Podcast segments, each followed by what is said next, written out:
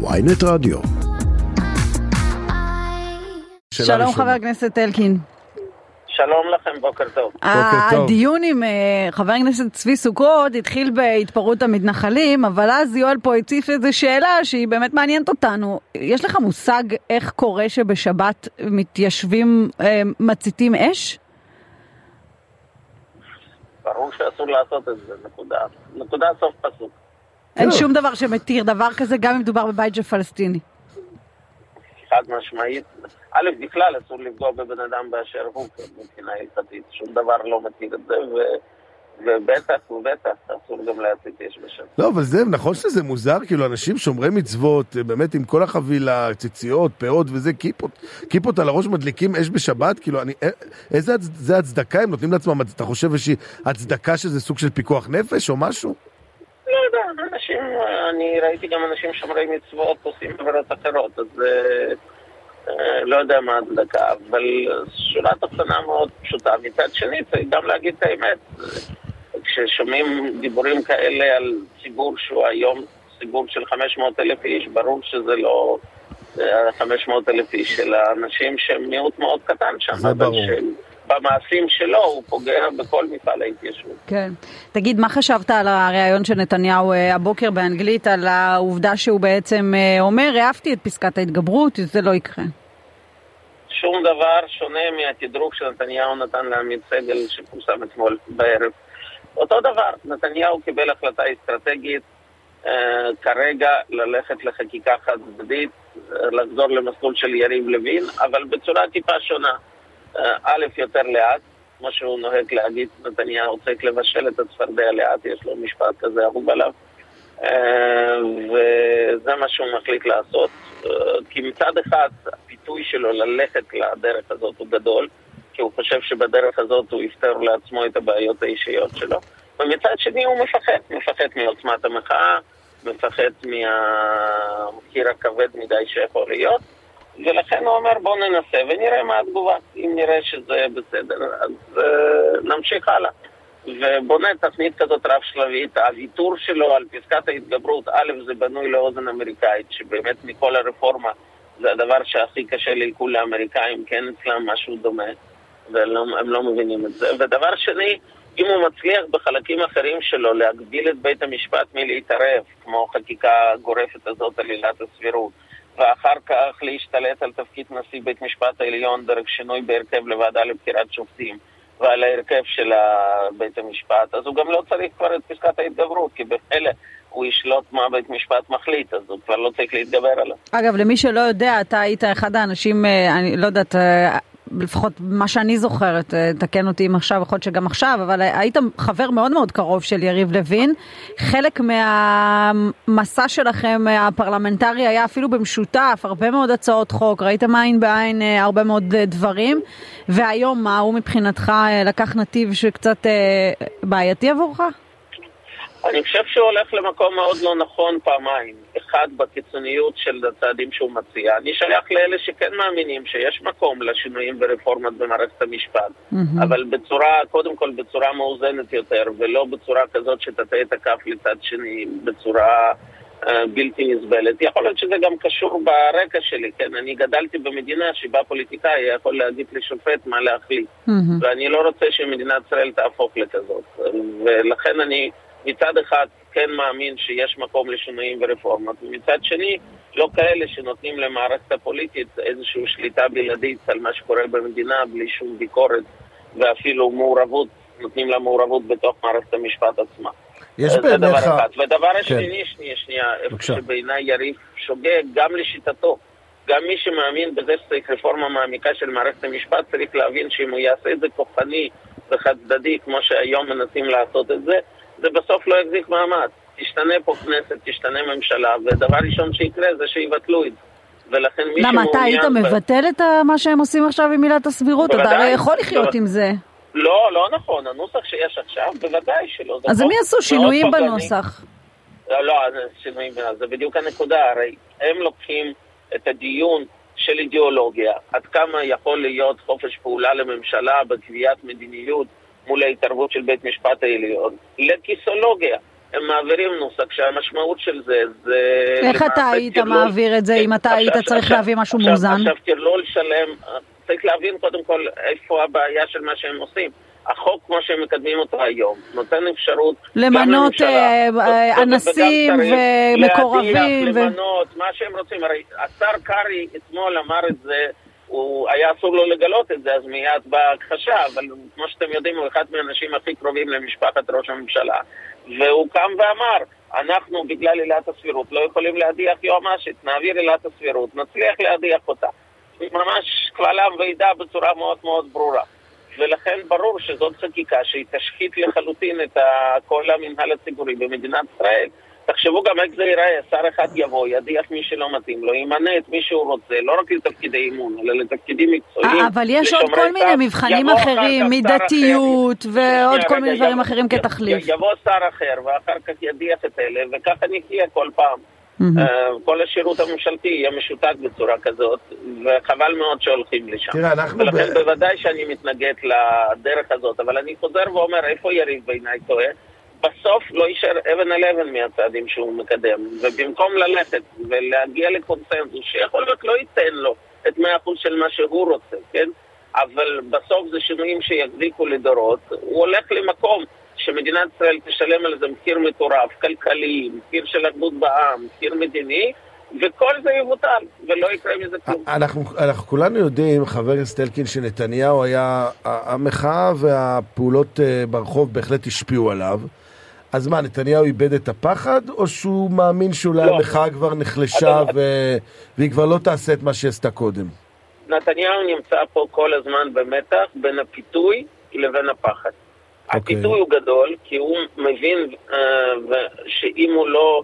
הדרך היחידה שלו לפתור את הבעיות האישיות, חוץ מללכת לעסקת טיעון בקיץ הבא, זה רק לשבור את המפרקת למערכת המשפט, וזה אי אפשר לעשות רק אם הולכים all in עם בדרך שמציע יריב לוין. ולכן הפיתוי מאוד גדול, כי הוא לא רוצה עסקת טיעון ולא רוצה לעזוב, הוא רוצה להמשיך וגם לפתור את הבעיות המשפטיות. אה, ומצד שני יש את הפחד, ולכן הוא נקט פה בטקטיקה שהוא אומר, בואו נתקדם לאן שאני רוצה להגיע, ונראה מה המחיר. אם אני מרגיש שהצפרדע מתבשל מהר מדי, אני אמלוא. אם אני ארגיש שזה עדיין בסדר והמחאה פה לא מאיימת עליי ואין פה איזשהו תסריט של כל העם קם על רגליו ומבטא איזושהי מהפכה, כמו שקרה בכל מיני מדינות, אז אני אמשיך. אבל הוא באמת שולט על, ה... שולט על הקצב? יש לו שליטה על הקצב? בוודאי שכן, אתם רואים לאורך כל הדרך שבסוף... זאת אומרת, אתה, לגמרי חושב שהוא בשליטה על האירוע. הוא נתון להשפעות, נתון אוקיי. ללחצים. בסוף ההחלטות שלו הם בין השאר גם פועל יוצא של לחצים, גם קואליציוניים, גם פנים-מפלגתיים, גם משפחתיים, הכל. אבל בסופו של דבר, ברגע שהוא מקבל החלטה והולך איתה, המערכת מתיישרת על פיו, אתם רואים את. אז בעצם אתה לא רואה שום סיטואציה, גם אם יקרה פה איזה דרמה, אתה לא רואה סיטואציה, או אולי אתה כן תומך בסיטואציה שבה אתם תיכנסו לממשלה כדי לעצור את לא, הדברים. לא, לא, לא, לא, לא, זה תסריט ל... א', זה בכלל לא שם, זה לא רלוונטי מבחינתנו, כי הממשלה והצעדים שנתניהו מוביל זה לא ממשלה וצעדים שאנחנו יכולים להיות חלק מזה. אבל גם מצד שני, אני אגלה לכם סוד, זה גם לא רלוונטי מבחינתו. זה שהוא מדי פעם מפריח כזה ספין ואולי להפחיד את הוא לא באמת שלו. רוצה, אתה אומר, הוא לא באמת רוצה. אה, ברור, כי, כי שום ממשלה אחרת חוץ מהממשלה הזאת לא תיתן לו את מה שהוא צריך, לא תאפשר לו את הדברים הקיצוניים האלה שהוא חושב שהוא צריך אותם, גם מבחינה אישית. ולכן אה, אין שום אל חשש שהוא יחליף את השותפים שלו, והוא דבוק אז מה בעצם, אה, צ-. מה בעצם צריכה להיות התוכנית שלכם, האופוזיציה, כדי להיאבק בעניין הזה? איך אתה רואה את זה? אנחנו מנהלים מאבק בכמה זירות בו זמנית. אנחנו מנהלים אותה בזירה פרלמנטרית עם כל התרגילים והכלים שקיימים לנו כדי לנסות לעכב כמה שיותר את ה, גם את החוקים של ההפיכה המשטרית וגם חוקים רעים אחרים שהכנסת מלאה היום בחוקים שבעבר אף אחד לא היה מעז להציע אותם, כן? כל מיני תרגילים של התאמת בחירות למועמד מסוים ושינוי בחוקי בחירות, דחיית בחירות כשזה לא נוח למישהו. יש המון חוקים אה, פסולים כאלה שמסתובבים עכשיו בכנסת ומקודמים אחרי, על ידי קואליציה. אנחנו מנסים לתקוע אותם כמה שאפשר, ובסוף הקואליציה נאלצת לתעדף מה היא מקדמת ומה היא בינתיים משהת, כי הם לא מצליחים כל מה שהם רוצים בגלל הפעילות שלנו בכנסת. ובמקביל כמובן יש מאבק ציבורי. כי בסוף okay. אתם צודקים, מה שהפחיד את נתניהו זה היקפי המחאה, ולכן מה שיקבע את הגורל של ההפיכה המשטרית זה תגובת הציבור. אם הציבור עוד פעם יקום על רגליו ויגיד לא, עד כאן, אז נתניהו ייסוג, ואחר כך אולי ינסה אה... שוב ושוב. ואם הציבור יהיה יותר אדיש, ופחות אנשים יצאו לרחובות, אז התוצאה תהיה בהתאם, ונתניהו ירגיש שהוא יכול להתקדם.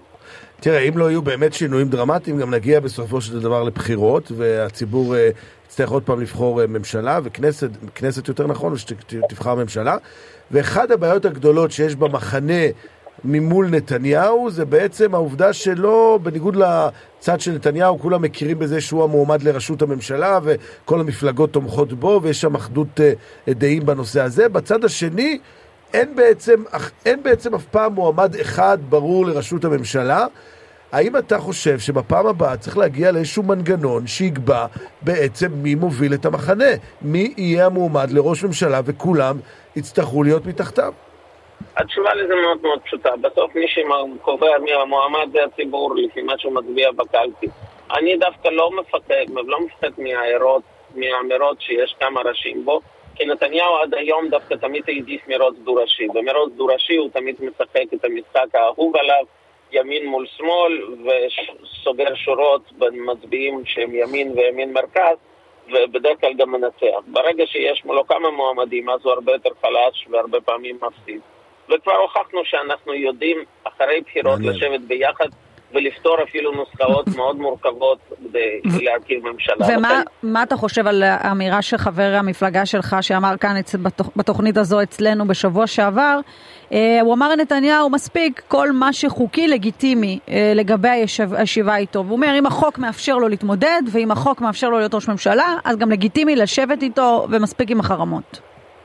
קודם כל, מי שזוכר את הרעיון הזה, של, אתם מתכוונים לרעיון של מתן, מתן כהנא, כהנא. וקורא את ההקשר, רואה שהוא מיד סייג את עצמו ואמר שזה אולי איזשהו תסריט שאין לו שום בסיס במציאות, כי נתניהו... אה, כן, אבל כשהוא אומר מה שחוקי לגיטימי, אז אתה מסיק שהוא בעצם... אה, הטענות, הטענה שלנו לנתניהו, לפחות שלי, בכלל לא קשורה במערכת של המשפטים שלו, כי אני לא מתערב במשפט פרטי שבן אדם מנהל, לא לכאן ולא לכאן.